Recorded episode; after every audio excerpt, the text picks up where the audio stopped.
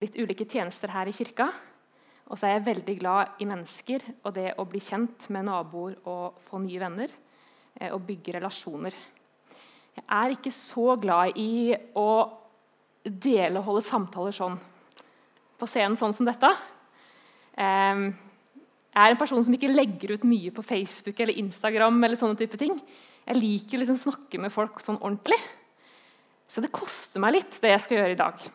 For jeg skal dele litt, jeg skal være litt personlig. Um, fra en scene.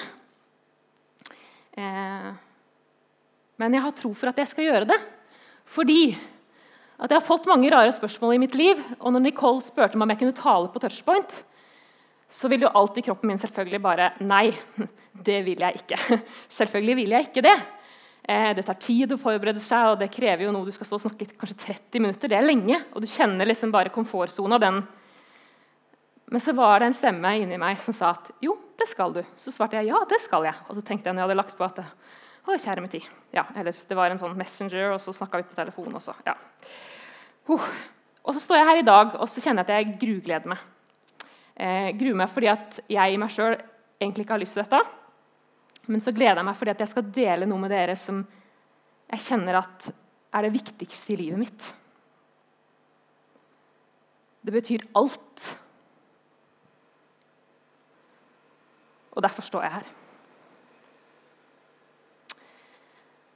Og Så ble jeg spurt om å tale her på touchpoint, og det er en egen greie.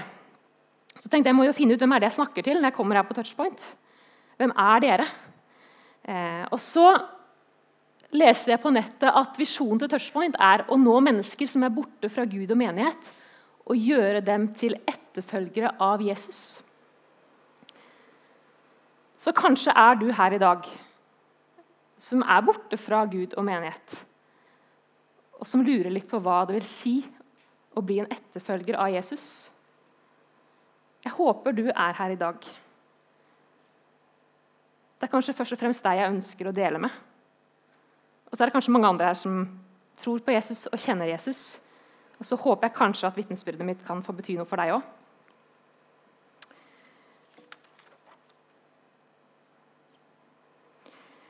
Så denne visjonen For å bli en etterfølger av Jesus så tenker jeg at vi må jo vite hvem Jesus er. Og hvorfor i all verden skal vi følge etter ham? Eh, hva står Jesus for? Hvorfor er han verdt å følge? Og For meg så er det et sted hvor jeg finner masse informasjon om det, og det er i Bibelen. En fantastisk bok, syns jeg. Den, eh, den, inneholder mange ting som er vanskelig og komplisert. Det er ting jeg ikke forstår. Det er veldig mange ord og veldig mange sider og veldig mange bøker i Bibelen. 77 bøker. Det er delt inn i Gamle testamentet og Nytestamentet. Og så er det en bok som for meg er på en måte en rettesnor i livet. Som er blitt på en måte en sånn oppskrift for livet som er verdt å følge. Den handler om Gud som har skapt verden. Den handler om Gud som som ivaretar alt. Som er fra begynnelsen og som er for evig og alltid så handler det om vi mennesker som ble skapt, og som gjorde feil, og som synder. Vi bomma på målet, vi gjorde imot Guds vilje. Og så handler det om Guds store redningsplan. Det er veldig mye jeg kunne sagt om innholdet i denne boka. her. Men den er først og fremst Guds store redningsplan for hvordan vi skal på en måte leve livet vårt, og hvordan vi kan få lov til å komme hjem til himmelen. Et vers som vi kan oppsummere med den lille Bibelen. For så høyt har Gud elsket verden, at han ga sin sønn den enbårne. For at hver den som tror på ham, ikke skal gå fortapt, men ha evig liv. Så disse tankene Derfor kommer jeg fram til i dag Bibelen en god investering. Vi skulle snakke om dette temaet gode investeringer. Og Jeg har skjønt at dere har hatt om økonomi og tjeneste og fellesskap. Ehm, for meg så har Bibelen vært en god investering. Og jeg tror også den kan være en god investering for deg. Hvis vi googler da, investeringer, så står det noe om at investeringer er en utgift som forventes å lede til framtidig avkastning. Noe som må gis bort for å kunne motta avkastning. Er Bibelen en utgift som jeg kan forvente en framtidig avkastning på? Spørsmål som jeg tenkte på. Hmm.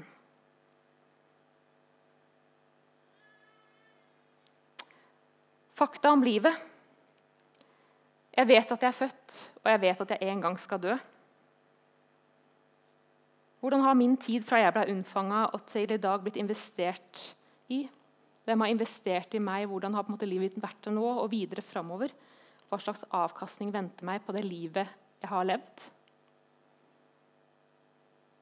Jeg satt og tenkte på disse tingene, og så tenkte jeg Hva skal jeg dele med dere i dag? Hva hva slags andakt skal jeg holde? Tale? Jeg er jo ikke noen taler, jeg er ikke noen andaktsholder, jeg er ikke noen teolog eller prest.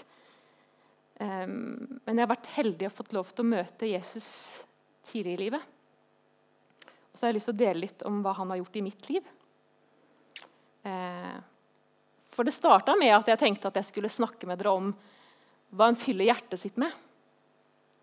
For det står noen vers om det. At bevar ditt hjerte framfor alt du bevarer, for livet går ut fra det.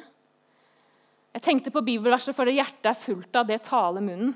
Jeg så for meg sånne slides vet du, fra liksom Paradise og forskjellige ting. Jeg skulle være sånn kult og flott. da, ikke sant? Sånne ting dere kan kjenne dere igjen i.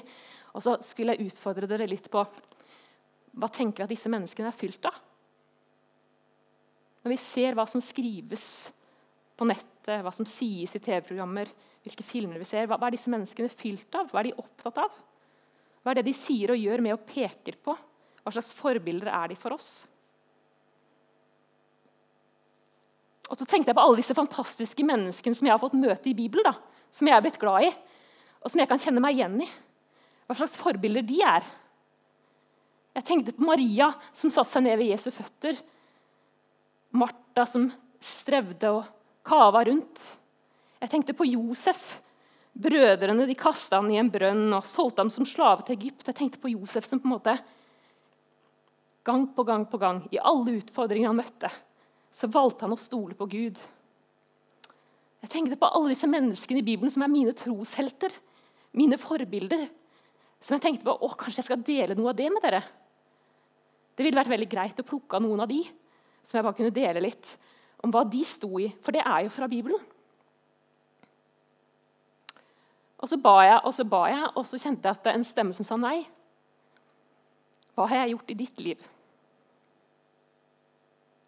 Del noe av det som jeg har fått være med å gjøre i ditt liv. Plutselig måtte jeg tenke tilbake på et kurs jeg var på i Oslo for fem år siden. Hvor det plutselig var en sånn innlegg fra en gammel mann som hadde jobba i Nordmisjon i mange år. Han snakka om eh, tida vår, tiden som renner, og øyeblikk i tiden. Jeg vet ikke om jeg skriver de ordene helt rett, Kronos og Kairos, men han snakka om livet vårt. Og at det er viktig hva vi fyller på en måte hverdagen og rutinene med. Tiden som renner, det jevne. Det, hvor viktig det er. Hva vi fyller oss med, hva vi gjør. Han hadde et slags kåseri. Jeg satt og bare tok det til meg. Men så snakka han om øyeblikk i tiden. Når vi tenker tilbake på ting vi har opplevd, så husker vi jo ikke alt i livet. Vi husker ikke alt. Men det er noen ting som setter seg fast, som gjør noe med oss, og som er sånn øyeblikk som vi husker. Litt sånne milepæler i livet.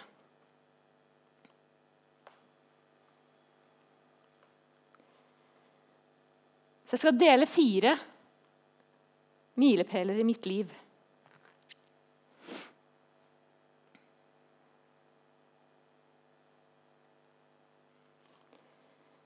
Da min mamma var gravid med meg, så fikk hun beskjed om at hun måtte ta abort. Legen var ganske harde med henne. Hun holdt på å dø, og jeg var ikke levedyktig. De sa hun var gal, og de var veldig tydelige på at du må ikke finne på å prøve å fullføre dette svangerskapet, for dette barnet det dør idet det er født. Alle undersøkelser alt hun var på. Hun ble innlagt på sykehuset, hun lå der lenge. Det viste at dette barnet det har ikke livets rett, og du risikerer ditt eget liv ved å føre det fram. Nå har jeg noen foreldre som trodde på Jesus, og som hadde fylt hjertet sitt og tida si med Bibelen. Jeg hadde til og med en mormor som også var kristen. Hun lever ikke nå lenger. Men hun var så glad i dattera si, så hun sa det. Du må ta abort. Du må redde deg sjøl. Mamma hun ba. Og så sa hun det er Guds valg, ikke mitt. Jeg skal ikke ta noe liv. Jeg skal føre dette barnet fram, og så er det opp til Gud hvordan det går. Liv og død er i Guds hender. Det skal ikke være i mine. Og Familien la seg på kne, og de ba. For Bibelen sier noe om at vi kan be til Gud. Når jeg ble født, så har jeg fått høre dette fra mange i familien, og de forteller det fra sin måte. Men jeg synes når tante forklarer med tårer i øynene Hun var til stede. Hun er min fadder. Så sa hun når legen løfta deg opp etter fødselen og holdt deg i hendene, sa hun, så sa han dette er ikke mulig. Dette er ikke mulig. Og Så vil noen si at legene tok feil. Kanskje. Kanskje tok alle legene feil. Kanskje tok bildene feil. Eller kanskje det var en gud som svarte på bønn. Kanskje det var det. Hva sitter jeg igjen med av den opplevelsen som jeg har blitt fortalt? Jeg sitter igjen med at jeg har en Gud som ønska meg. En Gud som hørte bønn. En Gud som sa noe om at det er håp og en framtid for deg. Det var mitt første møte. Nyfødt barn får lov til å hvile i det at jeg ønska, jeg ville, og det er en plan for meg.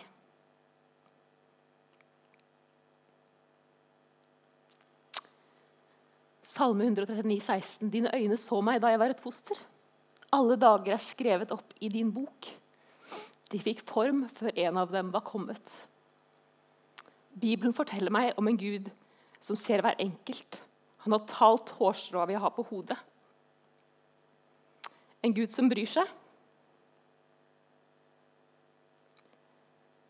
Vi kan spole seks år fram i tid.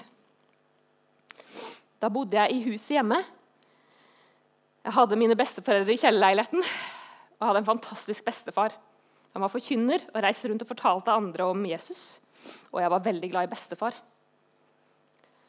En dag skulle bestefar være barnevakt for meg, og alle de andre reiste av gårde. Og så sier plutselig bestefar, Martin som han het, Du, jeg må legge meg ned på sofaen litt. Du må gå opp til venninna di.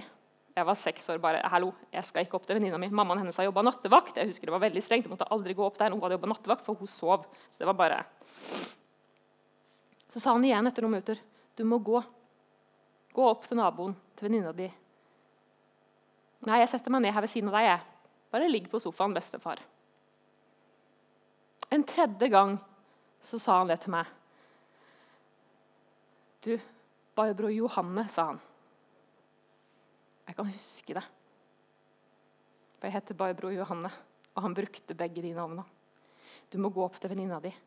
Nå sovner jeg, sa han. Jeg ville ikke det. Jeg satte meg ned, fant fram Askepott-boka mi, som jeg var glad i å lese og kikke i. Jeg lærte tidlig å lese. Kunne en del bokstaver i den alderen. Skjønte en del av det som sto, så på bildene. Og jeg satt der og hadde det veldig fint, mens bestefar han sovna. Og han døde mens han satt barnevakt for meg. Så kom de andre hjem, og jeg hysja på dem. Og jeg kjente at eh, mamma ble så rar i ansiktet. Veldig rar ble hun. Så sa du må gå ned til bestemor og si fra. Og jeg skjønte at noe var galt. I dagene etterpå så husker jeg ikke så mye fra det, annet enn at jeg er blitt gjenfortalt og husker litt brøkdeler av samtalen sjøl. Men jeg lurte litt på hvorfor far måtte dø. For jeg kalte ham for far istedenfor farfar. Og Så hadde jeg en tante. Min fantastiske tante. Kloke tante. Som kom. Og så spurte jeg henne hvorfor måtte far dø.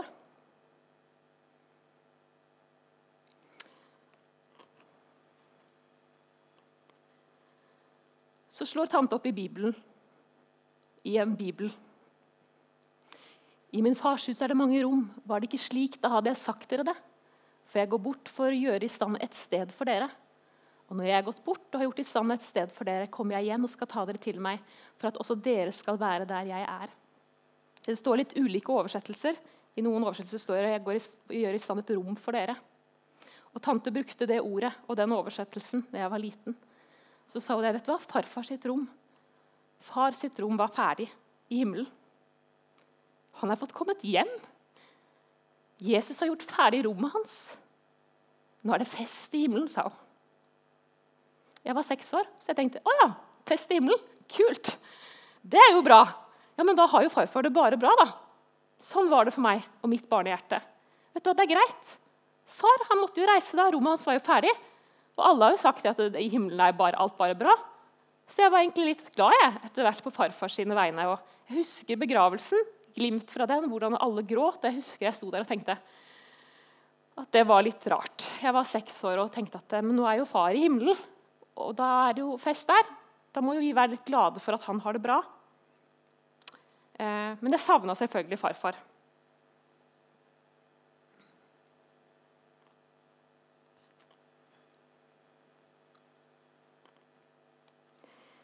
Vi kan hoppe fram til 2008.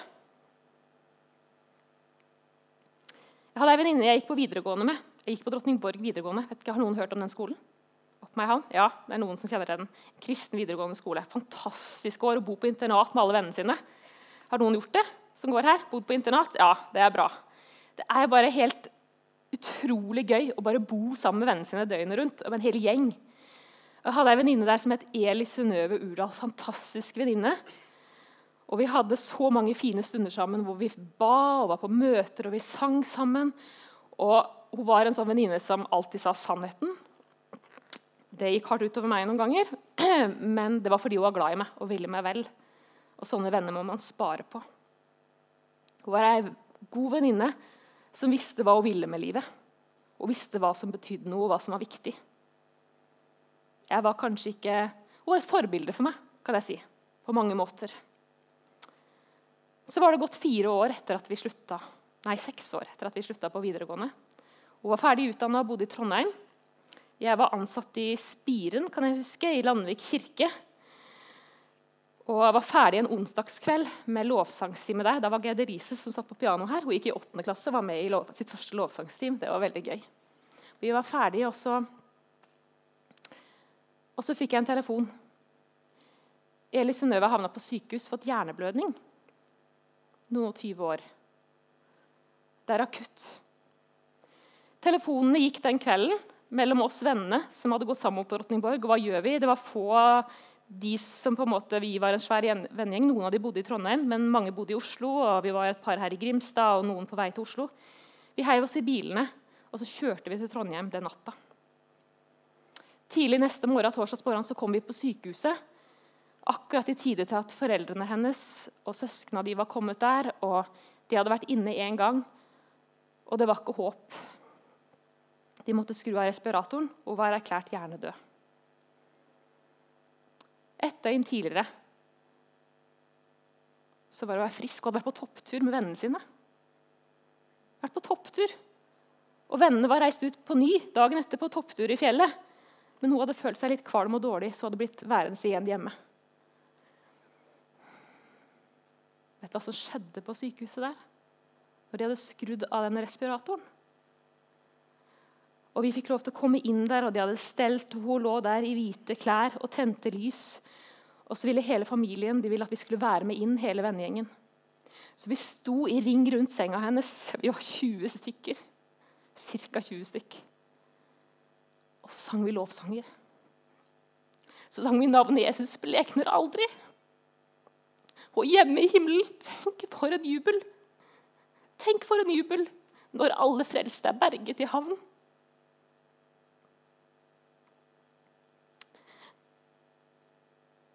Og Foreldrene hennes var så takknemlige for at vi var der. Og det var en fantastisk stund. Vi ligger der med en venninne som har reist i forveien til en himmel altfor tidlig. Men det var en fantastisk stund vi delte sammen på sykehuset. Og så kom vi ut, og i korridorene så står sykehuspersonalet. Ikke én, ikke to, ikke tre. Men de sto langs hele veggen fra alle avdelingene. De var kommet ned, de hadde hørt oss.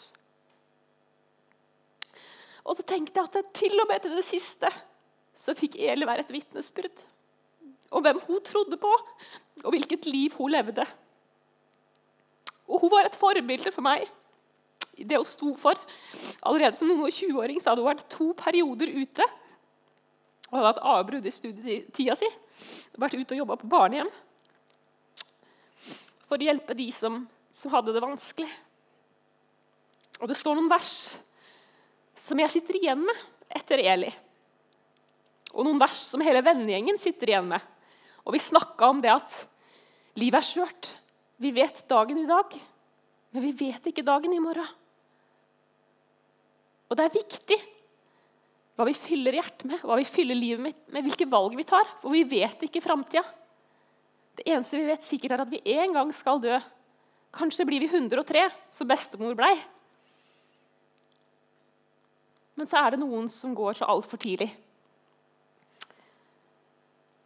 Og så står det i Matteus 25, fra vers 35.: For jeg var sulten, og dere ga meg mat. Jeg var tørst, og dere ga meg å drikke. Jeg var fremmed, og dere tok imot meg. Jeg var naken, og dere kledde meg. Jeg var syk, og dere så til meg. Jeg var i fengsel, og dere kom til meg.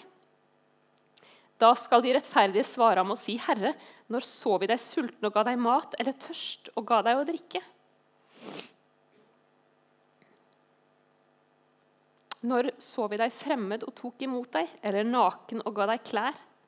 Når så vi deg syk eller i fengsel og kom til deg?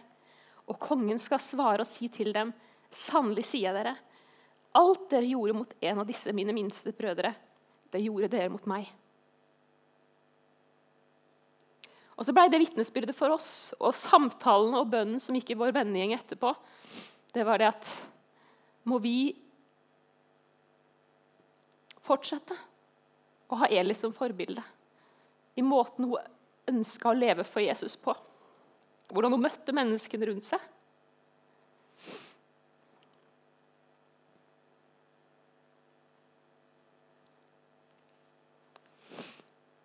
I 2000 og I 2005 så gifta jeg meg. Fryktelig mange år siden. I 2007 så var jeg så heldig å få ei datter som heter Thea. Jeg var fryktelig sjuk, men hun ble født frisk. I løpet av de neste åra så opplevde jeg det å miste fire barn i svangerskap. Jeg unner ingen å oppleve det. Tre av de har jeg født og holdt og tatt farvel med. Gud oppfyller ikke alle mine ønsker, men alle sine løfter. Og så er det ganske rart nå som det har gått mange år, og det er mye man kan fortelle om tøffe ting i livet, vanskelige ting. Men jeg har lyst til å fortelle dere noe helt spesielt rundt det som skjedde den siste gangen. Da bar jeg på tvillinger. Jeg var på vei til hyttetur. Jeg skulle bare innom legen og, og sjekke litt hjertelyd og at det var bra med tvillingene. Jeg hadde med meg dattera mi Thea, og jeg hadde bilen full av matvarer. Vi skulle på hyttetur med cellegruppa vår her i Misjonskirka. Vi hadde akkurat begynt i cellegruppe med noen fantastiske folk. Så på vei da, så stopper jeg hos legen, og legen leita etter hjertelyd og leita, men han fant ikke noe hjertelyd. Og så skjønte jeg at nå er det noe galt. Jeg hadde vært gjennom det før. Jeg fikk satt av dattera mi nede i Kristiansand hos min svoger. Og så, og så gikk vi videre til sykehuset. Jeg ringte mannen min på vei opp og sa at nå tror jeg det er noe galt med tvillingene. Ehm, jeg ringer deg opp igjen. Han var på jobb og venta spent på telefon. Jeg fikk bekrefta at tvillingene var døde. Da er det sånn at du må få noen tabletter, og så blir det satt i gang fødsel. Men det tar et par dager før den fødselen er i gang. Og det høres jo ganske forferdelig ut at du skal gå der med to barn i magen og vite at, at uh, dette er over, og så skal du føde dem. Men av erfaring tidligere så visste jeg at det er noe sunt i det at når vi møter livets realiteter, at vi må kjenne på smerte og at vi må bearbeide det og gå gjennom ting. Og det å få tatt farvel er faktisk noe ganske viktig i møte med sorg. Det er ikke på en måte bare å skyve det vekk, men det å faktisk måtte møte det og ta farvel på en ordentlig måte. Vi reiste hjem og satte oss ned, og vi ba, jeg og mannen min. Hva i all verden skal vi gjøre for noe denne helga? Hvordan skal vi orke på en måte sitte her? De andre var på vei til hytteturen. Jeg hadde all maten i bilen og hadde tatt den med hjem igjen. og Det kom noen innom og henta den, som da leverte det videre. og Vi ringte til de nærmeste i familien. Og så kjente jeg bare jeg kan ikke sitte her hjemme en hel helg og synes synd på meg sjøl. Så jeg ringte til Marit, som hun heter. Hun var cellegruppeleder. Marit og Kenneth går i kirka her. Og så kan vi få komme på hyttetur med dere. Selv om vår situasjon er som den er, kan vi få lov til å være sammen med dere. Kan dere orke det? Ikke for at dere skal synes synd på oss, dere kan gjerne gjøre det. Ikke for at vi skal snakke om dette hele helga, ikke for å legge en demper på helga. Men kan vi få lov til å bare være sammen med dere? For dere vet det. Jeg kan ikke gå på butikken her i Grimstad og, og måtte alle snakke om dette. Jeg går her med en gravid mage. Jeg orker ikke at folk skal spørre. Med dere så vet jeg at måte, mandagen kommer. Den må jeg møte. Da må jeg ta farvel. Men jeg har lyst til å være sammen med mennesker som det er gøy å være sammen med. Jeg har lyst til å spise god mat og lade opp batteriene til mandagen. Og de sa ja til at vi kunne komme på hyttetur. Og jeg har lyst til å si at Når jeg tenker tilbake på den helga der En helt fantastisk helg. Å få være en del av det kristne fellesskapet med mennesker som var glad i meg, og som jeg var glad i, og som det var så trygt å være sammen med, for vi hadde samme tro. Det var helt fantastisk. I møte med livets motgang og realiteter så er det så godt å være sammen med mennesker som har fylt hjertet sitt med Bibelen, som kan hjelpe meg å løfte blikket opp på ham. Jeg er så takknemlig for at jeg hadde det. Og jeg tror at jeg møtte den mandagen med noen krefter som jeg ikke ante jeg hadde. For det var ikke mine krefter i meg sjøl, men det var fylt opp av det fellesskapet og av den bønnen, og at Gud ga meg de kreftene jeg trengte. Han har lova å være med. Jeg ble helbreda i mammas mage. Jeg fikk leve. Og så må jeg møte det å miste noen barn. Og så er det livets realiteter. Gud har ikke lova oss som er kristne, at alt bare skal være bra. Men han har lova å være med. Jeg har aldri vært sint på Gud for det. Men jeg leste Asaf sin salme, salme 73. Der hvor Asaf på en måte frustreres litt over hvordan på en måte realiteten i livet er. Men så får han løfte blikket opp mot himmelen, så får han se hva som er i vente. Og den salmen ble god for meg. Og det verset her ble veldig godt for meg. Jeg er han helt til dere blir gamle. Jeg vil bære helt til håret er grått. Jeg har alt gjort det. Jeg løfter, jeg bærer og berger. Og vet du noe? At vi mennesker vi kan være Jesu hender og føtter der hvor vi går, der hvor vi er. Bibelen sier det. Og sånn opplevde jeg det i livets motgang. At jeg hadde mennesker som var Jesus i praksis for meg.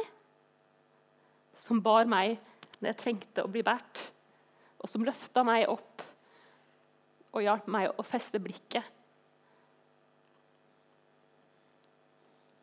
på Jesus.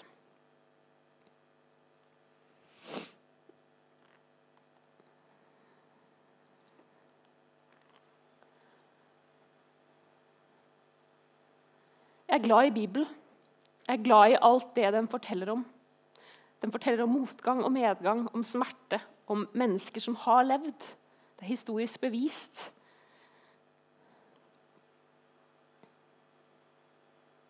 Jeg har valgt å investere i å leve livet mitt som en etterfølger av Jesus fordi Jesus investerte livet sitt for meg.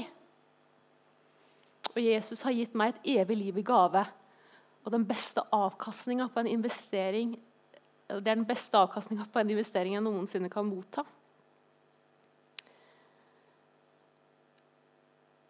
Når vi snakker om gode investeringer, om at det eneste sikre med livet som vi kanskje vet, er at vi en gang skal dø Og Bibelen forteller oss at vi kan få det i gave. Jeg må ikke investere ved å gi så og så mye for å kunne få igjen. Jeg må ikke prestere sjøl, men Jesus har gjort det for meg. Han investerte sitt eget liv for at jeg skulle få leve.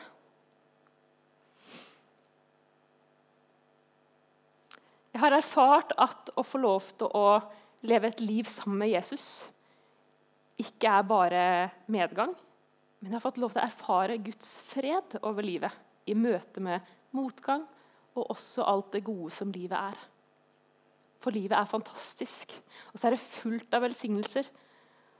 Og så er det som jeg har fortalt dere, at midt oppi mye av sorg og smerte og møte med livets realiteter, så går det faktisk an å kjenne på glede og takknemlighet og telle velsignelser. Det er ikke enten-eller. Og det syns jeg er helt fantastisk. Gled dere i Herren. Alltid, står det i Bibelen. Det betyr ikke at jeg alltid må være glad for at jeg er kristen.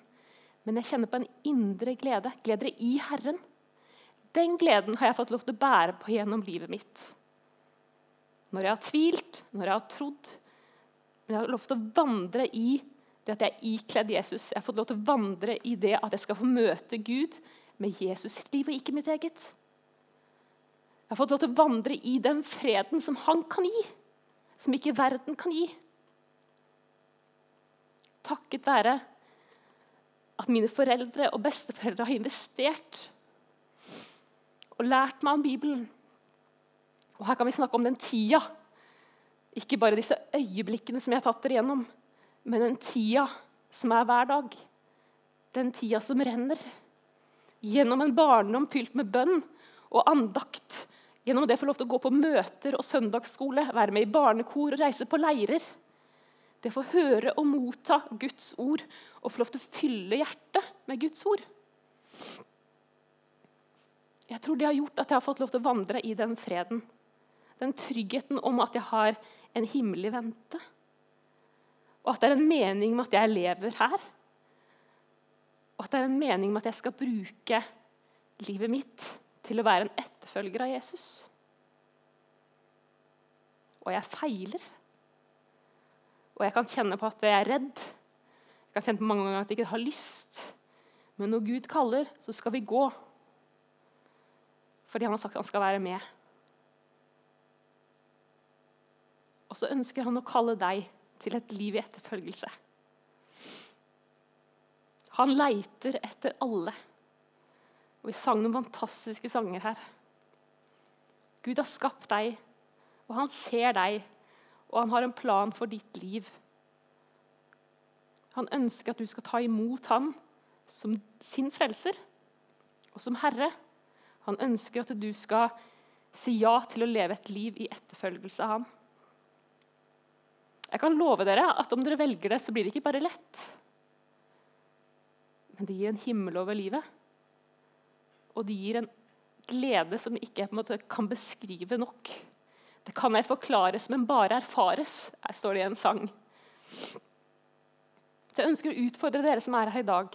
Gå til forbønn etterpå. Si at ja, jeg ønsker å følge deg, Jesus. Jeg ønsker å ta imot deg, Jesus. Jeg ønsker å lære å kjenne ditt ord. Bibelen er ei gullgruve. Den gir mye rom for tvil og spørsmål og vanskelige problemstillinger. Men nå, nå går alarmen, for nå har jeg brukt opp sida. Se jeg satte på klokka. Skal jeg bare runde av.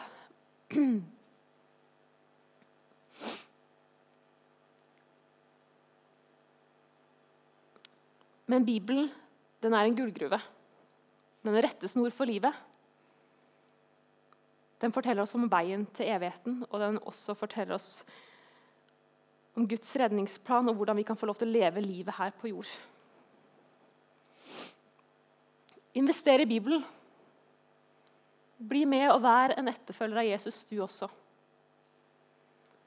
Kjøp Bibelen, les den, hør andre lese eller tale fra den. Gå på alfakurs, connect-gruppe osv. Det er mange måter å ta til seg Guds ord på. Om ikke du er god til å sette deg ned aleine, gå sammen i grupper eller med venner. Hør på lovsang som på en måte formidler Guds ord gjennom sang og musikk. Men prøv å finne ut hvem er Jesus Jeg ville ikke bytta det mot noe annet. Vi ber en bønn. Kjære far. Jeg takker deg for at eh, du lot meg leve. Og så takker jeg for at jeg får lov til å lære å kjenne deg. Så takker jeg for at jeg kan få lov til å glede meg i deg alltid. At jeg kan få lov til å leve i den gleden og freden og den, det som du gir, Herre. Takk for at jeg kan stole på alle dine løfter. Og så har jeg lov til å be om alt. Og så takker jeg deg også for at ikke du løser alle mine problemer eller gir meg alt det jeg ønsker, for det hadde ikke vært bra. Men takk for at du virkelig er en som står fast og holder dine løfter. Jeg ber om at du må møte hver enkelt av oss sånn som vi trenger det her i dag. Takk for ditt ord. Jeg ber om at du må møte oss med din Hellige Ånd, far, i ditt ord. Og må du gjøre det levende for oss når vi leser Bibelen, sånn at vi kan forstå og ta imot det du har for oss. Jeg takker deg for hver enkelt som er her i dag. Og så ber jeg om at du måtte kalle på hver enkelt. Må du vise deg. Må du skape en tro, sånn at vi kan få lov til å være dine etterfølgere og ha deg som forbilde. Hele veien inn i himmelen, far. Amen.